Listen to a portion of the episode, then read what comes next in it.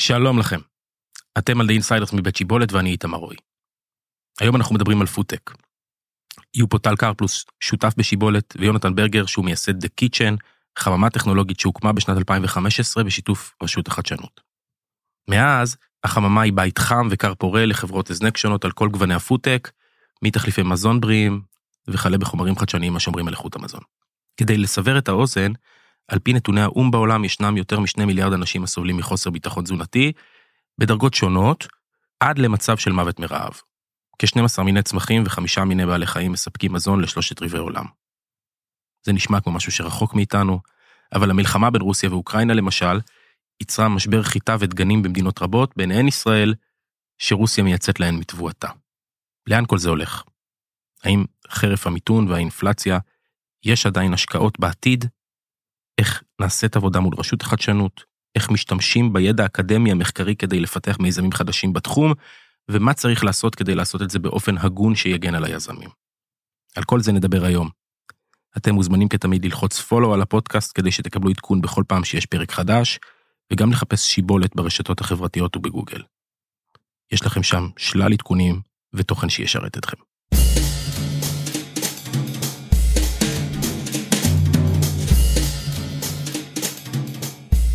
שלום לכם, מה העניינים? טוב מאוד. שמחים להיות פה. גם אנחנו מאוד שמחים שאתם פה. תודה אה, שהזמנתם. תראו, אני אתחיל רגע, אנחנו נעשה את השיחה הזאת, יש לנו הרבה דברים לדבר עליהם. אבל אני רוצה לפני זה, רציתי, כתבתי לעצמי שאני רוצה שתדבר קצת על The Kitchen ותסביר לנו ו- וזה, אבל הרבה אנשים מכירים מ-The Kitchen ואנחנו נדבר על זה תוך כדי. אני רוצה שנדבר רגע, תספרו לי מה זה ביטחון תזונתי. מה ההגדרה של ביטחון תזונתי? שלום יונתן. אהלן. אז אני, אני רוצה להגיד שאנחנו עובדים אה, עכשיו, ממש עכשיו, בצוות הקיצ'ן על הכנס השנתי שלנו שנקרא פודטק אייל. כנס נורא נורא גדול, שבעצם הוא חגיגה של כל הפודטק הישראלי, אה, אבל עם הפנים החוצה, עם הפנים למשקיעים זרים ולחברות מזון אה, מחו"ל. בשנה שעברה היו לנו 2,000 אנשים, מתוכם למעלה מ-600 מחו"ל. סך הכל מחזור המכירות המצרפי של חברות המזון שהיו שם התקרב לטריליון דולר. זאת אומרת, היו שם חברות כמו נסטלה וכולי, וכשעבדנו אתמול על האג'נדה, זאת אומרת, כל שבוע יש שם פגישה, אז אמרנו, תקשיבו, אין לנו מספיק על ביטחון תזונתי. בואו נדבר על ביטחון תזונתי. אז אתה ממש כאילו בטיימינג מעולה, כי היינו צריכים לשאול את עצמנו מה זה אומר, ולא היה, לא הייתה לנו דעה אחת של מה זה אומר. ביטחון תזונתי, זה מתחיל בכל מה שקשור לסופליי צ'יין, שזה חטף מכה מאוד מאוד קשה. פעם אחת, כשהייתה, היה את הפקק בתעלת סואץ, ומחירי ההובלה קפצו לשמיים ופשוט לא היו מכולות, ופעם שנייה עם, עם המלחמה באוקראינה, ודבר ראשון, מדינות מתחילות להבין שזה אישו. כולנו חשבנו גלובליזציה ואין שום בעיה, ונביא את, את חומרי הגלם שלנו מכל העולם, ו, וזה בסדר, אבל יש לזה גם דאונסייד לפעמים.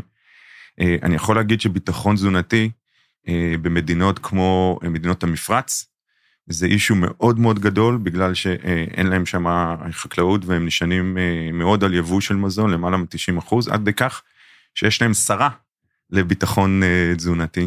וואלה. כן, כן.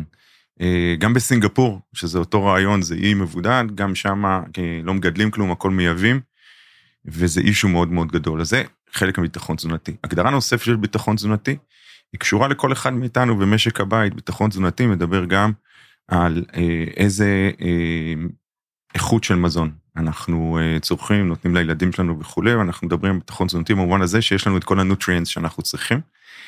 פן שלישי של ביטחון תזונתי, מדבר על אחד מיעדי האו"ם שנקרא Zero Hunger, וביטחון תזונתי בהכי בסיסי שלו, שילדים באפריקה ישרדו, לא ימותו מרעב. אז תשובה ארוכה לשאלה קצרה, אבל מה שניסיתי להגיד זה שיש לזה פנים רבות. אז אני אגיד למה רציתי להתחיל עם זה. שלום טל. אהלן. אנחנו עושים פה הרבה תוכניות בנושאים של חדשנות, ואנשים יכולים לגלול אחורה את הפרקים ולראות. והנושא הזה פה, שאנחנו תכף נדבר על איך אתם עובדים עם חברות ואיך אתם מנסים למצוא פתרונות לבעיות העתיד, הנושא הזה הוא עכשיו מאוד מאוד אקטואלי עם משבר האקלים.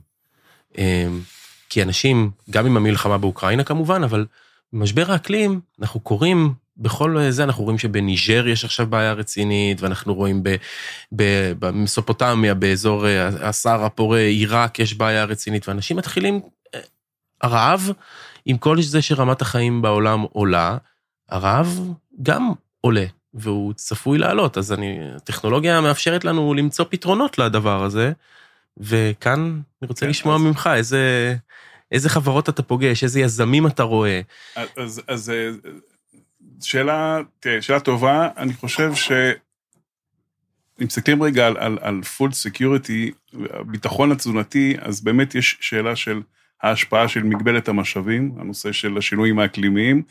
אנחנו רוצים בעצם להיות מסוגלים לזרוק פחות, כמות האוכל והמזון שנזרקת בעולם זה סדר גודל שבאמת אה, יוצא דופן, אז הרעיון הוא איך אנחנו בעצם, את מה שאנחנו מייצרים משמרים מצד אחד ומייצרים פחות אולי, או, או באותם משאבים להיות מסוגלים לייצר הרבה יותר תפוקה, תפוקה שהיא תהיה, כמו שיונתן אמר, תהיה יותר איכותית, יותר מזינה, אה, וכל האלמנטים האלה ביחד, יש להם אין, אין ספור בעצם זוויות. זאת אומרת, יש חברות שמתעסקות בתחום של איך להבטיח שה-supply chain יהיה בטוח יותר, יהיה יעיל יותר, יהיה קצר יותר, איך אה, לקחת מזון ולתת לו חיי מדף ארוכים יותר, כדי שנזרוק פחות, שנצרוך יותר, איך נשפר את האיכויות של המזון שאנחנו צורכים מבחינת הערכים התזונתיים שלהם, אה, איך אנחנו אה, לא, לא נייצר דברים שלא צריכים, זאת אומרת יעילות ב, בייצור עצמו, איך מפחיתים פחת של ייצור, מה עושים עם אה, מה שנקרא עם upcycling, איך לוקחים את הפחת מייצור של אה, תעשייה מסוימת והופכים אותה למזון או מנצילים מזון שקיים, אז בתוך ה ecosystem הזה של הפודטק, ובטח בישראל, שאנחנו אה, מעצמת פודטק מבחינתי, אה, יש הרבה מאוד כיוונים שתוקפים בדיוק את העניין הזה תחת כותרת כללית של food security, אבל אפשר לתקוף את זה מהרבה מאוד כיוונים. זה לא מגיע רק מכיוון מאוד, בוא נגיד, אה, הפתרון הוא לא פתרון אחד, הפתרון הוא פתרונות רבים, רב-מערכתיים, שביחד אמורים לתכלל איזשהו אה, מיקום טוב יותר של, ה, של הביטחון התזונתי.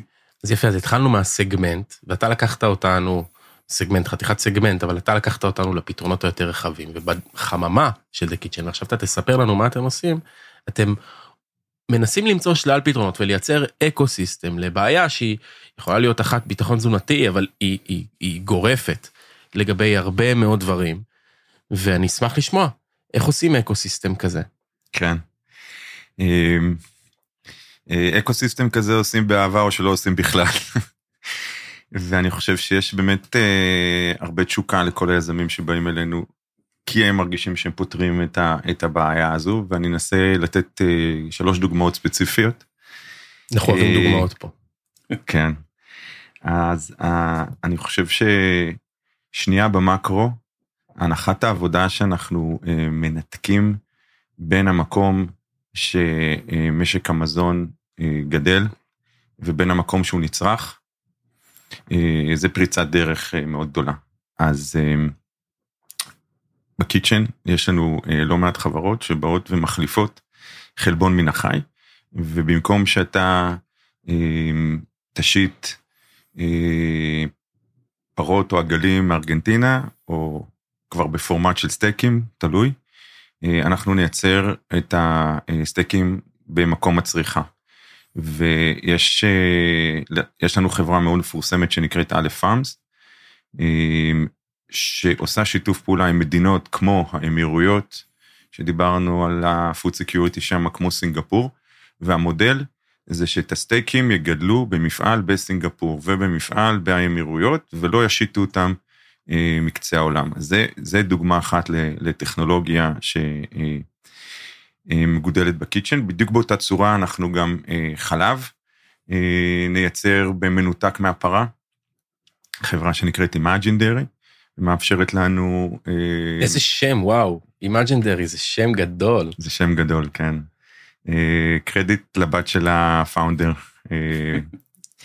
הבת של אריה אבו באה עם הרעיון הזה. אז, אז זה נושא אחד. הנושא השני זה כמו שטל אמר, איך אנחנו מפחיתים את הפסולת ואיך אנחנו עושים upcycling. חברה שאנחנו מאוד מאוד גאים ואוהבים מאוד, זו חברה שלוקחת שמרים משומשים, מתעשיית הבירה למשל, או מתעשיית האפייה, ושנייה לפני שנותנים אותם למאכל אה, בעלי חיים, אה, עושה תהליך אה, ייחודי ומפיקה מהם חלבון. וההפתעה שלנו הייתה מאוד גדולה שגילינו שהחלבון הזה הוא מאוד מאוד איכותי. יש לו פרמטרים שונים, אני לא אעלה אתכם בזה, אבל שהם, לא רק שזה פסולת, שזה לא פסולת, אלא זה אפילו החלבון עם הציון הכי גבוה שיש, חברה בשם ייפ, שחתמה עכשיו על הסכם אספקה עם אחת מחברות השמרים הגדולות בעולם. אז אה, זה אה, דוגמה שנייה לפתרון של ביטחון תזונתי. ועוד דוגמה היא חברה מדליקה, שגם עכשיו אה, סגרה סיבוב השקעה מקרן אמירתית, חברה שנקראת אנינה, טל, טל מכיר אותה, והיא לוקחת מה שנקרא ugly vegetables, ירקות שלא מגיעים לצרכן בגלל שהם לא נראים טוב, ומפיקה מהם איזושהי ארוחה מזינה, אה, שהיא מה שנקרא הדור ב' של המנה החמה. ארוחה מזינה, רק להוסיף מים רותחים ו... אה, או לחילופין לשים במיקרו עם אה, מים לכמה דקות. והיא גם כן מאפשרת להקטין את הפחת ולהציל מזון. ועוד ועוד ועוד, היד נטויה.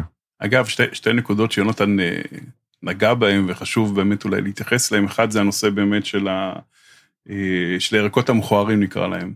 אז זה דרך אגב עניין של חינוך. בואו נזכור בעצם הסיבה שכשאנחנו, שירקות מתמיינים בחדרי האריזה ומחליטים חלק מהם לא לעשות, זה חינוך של, שלנו כצרכנים, כי אנחנו, כשאנחנו נראה בסופר עגבנייה שלא נראית משהו, אז כנראה שלא נחליט לדלג עליה, וזה הרבה מאוד עניין של חינוך, אז אפרופו אקו סיסטם וזה, הנושא של חינוך לביטחון תזונתי, זה צריך להיות לדעתי אולי חלק בלתי נפרד, פחות אולי בעולמות שלנו כיונתן בחממה, ושלי בפן של עריכת דין, אבל כחברה זה חלק מהותי, והדבר השני שגם כן ככה תוך כדי שיונתן ציין, הנושא של, ה, של התשוקה לתחום הזה, אה, אז יש פה סינרגיה בין התשוקה, ה passion של, שלנו כ Start-Up Nation, שאוהבים להיות אה, בחזית הטכנולוגיה, לבין עולם המזון, ו food הוא, הוא עולם של passion, כל מי שמתעסק בין מסעדנים וכל גוף אחר, אה, ואנשים שנוגעים באוכל, אוכל הוא תמיד אזור של, של passion, ושני הדברים האלה ביחד יוצרים סינרגיה של, של אחד ועוד אחד זה שלוש, כי אין passion כמו passion של, של, של חדשנות ואוכל זה שילוב מנצח. אז שנייה, אבל passion, אה, אה, passion בצד רגע, ועכשיו אנחנו נדבר רגע על פרקטיקה. אז אתה מתאר את הדוגמאות, אתה נותן דוגמאות של חברות, אבל אני רוצה ששניכם ברשותכם תתארו לי את התהליך של, אתה קם, Aleph Farms כבר הרבה שנים. זה אתם מקימים את החברות, אתם מביאים את המימון, אתם, איך זה עובד? אני רוצה לדבר רגע קצת על העבודה מול רשות החדשנות, טל ירחיב לנו על זה קצת. איך, איך נולד האקוסיסטם הזה? כלומר, ואיך אתם מלווים אותו לאורך זמן? איך נולד האקוסיסטם ואיך אה, אנחנו מלווים אותו לאורך זמן? אני חושב ש... אמ, מה שמתאפיין בתקופה האחרונה זה שהוא נולד מצורך מאוד גדול של חברות המזון הגדולות. יש לנו אה, חיבור להרבה מאוד חברות אה, מזון גדולות, גם בתחום הבשר. הן ממש לא רואות בזה איום עליהן, להפך, הרבה מאוד מהביקוש לתחליפי בשר מגיע מחברות בשר, אה, כמו קרגיל, כמו טייסון, כמו BRF, וזה נולד מצורך, תמיד זה נולד מצורך. במקרה של הקיצ'ן, יש לנו שני מקורות לסטארט-אפים, מה שנקרא Walk-in Entrepreneur ו-Venture Creation. אז venture creation, רק להגיד מילה, זה שאנחנו מזהים צורך או שומעים מחברות המזון ואנחנו הולכים ומחפשים טכנולוגיה שעונה לצורך הזה. ופעם שאנחנו מוצאים אנחנו עושים הסכם מסחור וטל ירחיב uh, על הנושא הזה. אני רק אסבר, לסבר את האוזן, אני אגיד שיש לנו היום 24 חברות בפורטפוליו, מתוכם 10 זה חברות שמסחרנו מאוניברסיטאות, ואני חושב שטל עזר לנו עם כל אחת ואחת מהן.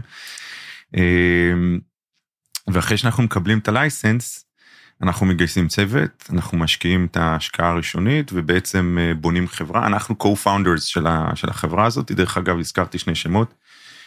אלף פארמס ואימג'ינדרי, שניהם זה חברות שהוקמו ב venture creation, אחת עם הטכניון והשנייה עם תל אביב. איך אמרת פשן בצד? לתעשייה הזאת יש מאפיינים מאוד מאוד ייחודיים, אה, כמו למשל רגולציה, שזה לוקח זמן, ברור. אה, וכמו למשל אה, אה, טעם שונה של צרכנים במקומות שונים בעולם וכולי וכולי. זאת אומרת, אנחנו מדברים פה על real stuff. כן, אני, אני חושב שגם בסוף צריך לזכור ש, שחברות, אה, הרבה מאוד חברות שפועלות בתחום ש, של הפודטק בכלל, קח, רגע דוגמה, בוא נעשה רגע, שוב, אנחנו אוהבים דוגמאות. אז נניח בתחום של, של חלבונים אלטרנטיביים, אז בוא נניח שאני חברה שרוצה אה, לעשות כבד אווז מתורבת, אוקיי? אז בוא נבין, המורכבות היא מולטי דיסציפלינרית ברמה הטכנולוגית. אני צריך קווי תאים רציפים כאלה שממשיכים להתחלק ולהתחלק, ואני צריך להיות מסוגל לעשות, אה, לפתח להם פרוטוקולים של גידול כדי שיגדלו לא רק על צלחת פטרי, ואני צריך מצע ספציפי, ואני צריך שהכל יעמוד ברגולציה, ואני צריך לעשות מה שנקרא סקפולדים, שזה אה, פיגומים כדי שיגדל לי בצורה של כבד אווז. וכל הדברים האלה זה טכנולוגיות שחלקם נמצאים בשלבים מוקדמים או שבכלל לא, לא היו מובנים לעולמות של הפודטק. ו- ואלה חסמים מאוד לא פשוטים לחברות ברמה הטכנולוגית, שיש להם משאבים מוגבלים, ו- ולכן כל, כל ה- ההתפתחות פה יש לה קצב שהוא לא תמיד מה שאנחנו רגילים, בטח לא נניח בעולמות של תוכנה, אתה יודע, אתה, אתה יכול מהר מאוד, עם לא מעט כסף, לקחת תוכנה ו- ולפרוץ איתה קדימה. עולמות הרבה יותר מורכבים, יש, יש עניין של, אה, של סקיילאפים, אוקיי? זה נחמד לעשות במעבדה, אבל בוא נראה אותך עושה את זה בביו-ריאקטורים של, של אה, 500 ליטר. יש הרבה מאוד מורכבויות, שכל אחת מהמורכבויות האלה היא משתנה מתחום לתחום, אבל בגדול, רוב החברות שהן, לא חברות תוכנה, יושבות על הרבה מאוד מורכבויות אה, טכנולוגיות ו- ואתגרים שהם צריכים להתמודד איתם. licensing. licensing. אז אה, בוא נסכים ש... בוא נסביר את זה רגע. אוקיי. זה אומר שיש, אני מניח, שיתוף פעולה עם האקדמיה, אוקיי? ואתם צריכים באיזושהי דרך לעשות את הדבר הזה מסחרי, שכולם ירוויחו גם ממנו באיזושהי צורה, נכון? ושהיזמים ייש... נכון, אז, אז, אז תראה, בדרך כלל אנחנו מדברים על איזשהו, אה, בוא, נלך על, ה, על הפרטו, אה, על, על פטנטים, איזשהו אה, מחקר אפליקטיבי שנעשה באקדמיה, זה יכול להיות במוסד מחקר, יכול להיות בגופים כאלה ואחרים. המודל העסקי שלהם הוא כזה שבו הם לא נותנים את הפטנט, הם נותנים רישיון תחת הפטנט הזה כדי שגוף אחר יוכל בעצם לעשות שימוש בהמצאה ולמסחר אותה, ובתמורה הם מקבלים את ה- ליטרת הבשר שלהם, אה, no pun intended, מתוך הסיפור הזה של, של מסחור הטכנולוגיה. עכשיו, אה, נסכים שהקלישאה הכי גדולה שיש זה, זה הפרפרזה של, של יתום וחליפה, אבל זה מאוד שם. זאת אומרת, אנחנו מסתכלים על מודל של אה, מה מתאים, איזה מודל של רישיון, של מודל מסחור, של, של בסיס תגמול לאוניברסיטה אה, יכול להיות. אנחנו לוקחים מה שנקרא הסכם רישיון, שדרך אגב ברוב חברות המסחור האוניברסיטאיות, מה שנקרא ה-TTOs, הוא ברובו מאוד מאוד דומה בחלקים, נקרא לזה המשפטיים, בגדול שני משפטים, האוניברסיטה לא אחראית לכלום, ומי שלוקח את זה אה, עושה את זה על, ה, על, אה, על חשבונו וסיכונו. ו, ואנחנו מנסים בעצם עם, עם מעט החלקים הזזים שיש בתוך ההסכם הזה, שזה הפן הטכנולוגי והפן המסחרי, לראות איך אנחנו בונים איזושהי חליפה שהיא צריכה מצד אחד להתאים לשני הצדדים, ומצד שני היא צריכה להיות כזו שהיות ואנחנו מדברים בדרך כלל על מחקר שהוא מאוד מוקדם, על מוצרים שיהיו בשוק אולי ויתחילו להכניס, לייצר הכנסות בעוד, בטווח שבין שלוש לעשר שנים, אנחנו צריכים לבנות מודל שהוא יהיה מצד אחד מספיק ודאי, כדי שיהיה ברור לכולם מה הם יכולים, מה הם לא יכולים, איך הם יכולים, גם לחברה וגם למשקיעים בחברה, ומצד שני שיהיה גמיש מספיק, כדי שאנחנו לא נמצא את עצמנו בעוד עשר שנים עם איזשהו מודל שאף אחד לא יודע איך לאכול אותו, כי כמו רוב הסטארט-אפים, גם חברות, גם בעולמות הפודטק, אתה יוצא עם איזשהו vision בהתחלה, בטח בשלב שאתה לוקח את הרישיון, בסוף אתה מוצא עצמך חמש שנים אחרי עם איזה פיבוט לכיוונים אחרים לגמרי. אבל זה לוקח זמן בדיוק, כמו שאמר לנו, כמו שאמרת לנו קודם, יונתן. זה לוקח זמן וצריך לקחת את זה בחשבון, שצריך למצוא איזשהו מודל שהוא עובד לכולם לאורך, אז- לאורך שנים, כי גם בסוף ה- ה- העדפות התרבותיות גם של אנשים משתנות, הטעמים משתנים, אתם צריכים להתאים את עצמכם להרבה מאוד תרבויות, מוצרים כאלה ואחרים. זה כאילו עולם שלם של... ולכן, אם זה לא וואו, אנחנו לא נוגעים בזה. זאת אומרת... וואלה. זה, כן, כן. אה, זה חייב להיות אה, טכנולוגיה שהיא אה, by far יותר טובה מכל דבר אחר שקיים היום בשוק, בגלל הזמן הזה ש... שקורה. זאת אומרת, אנחנו מייצרים, דרך ההסכמי מסחור האלה, אנחנו מייצרים חסם תחרותי אמיתי. אני, אני יכול לספר סיפור שאני אני מאוד אוהב לספר על טכנולוגיה שלקחנו מהמכון הביולוגי בנס ציונה. הש הש, ולפני כמה שנים היה איום בגבול הצפון אה, על לוחמה אה, ביולוגית. והמכון הביולוגי אה, פיתח איזשהו חומר ציפוי לרכב הצה"לי, שהורג בצורה מאוד מאוד יעילה את כל הבקטריות שאסד אפילו לא העלה בדעתו שהוא יכול לשלוח.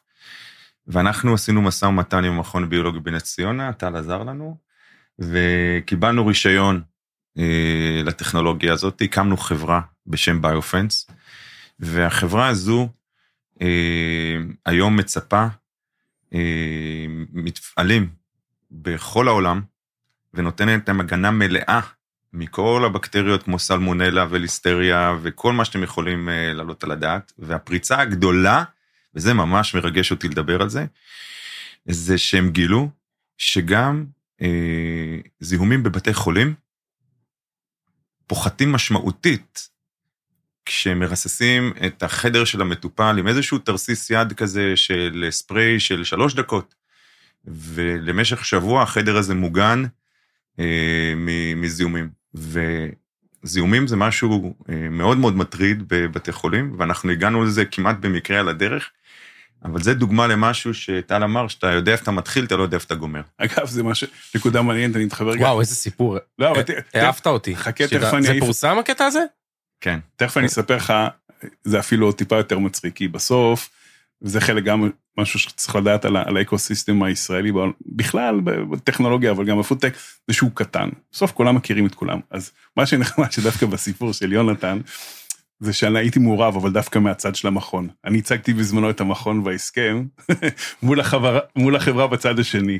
אז שם בעצם הכרנו, דרך אגב, בזמנו, אבל... לא- אני רוצה להגיד שאם אם, אם אתה לא היית בצד השני, אני לא יודע אם היינו סוגרים עסקה, כי לעשות עסקים במדינת ישראל זה אז, אז זה אירוע מעניין. לסגור את הלופ, כן. כן. זאת נקודה, מה זה יפה לסיים איתה? למדתי מכם הרבה. אה, וזהו, אנחנו נזמין את האנשים לעקוב אחריכם. אה, לעקוב אחריכם, ויש לכם בקרוב גם כנס, אמרת, ואנחנו נשים, אם תרצה, את התיאור בפרטים, שאנשים ויזמים שאולי רוצים לבוא ולהשתתף וזה, אז אנחנו...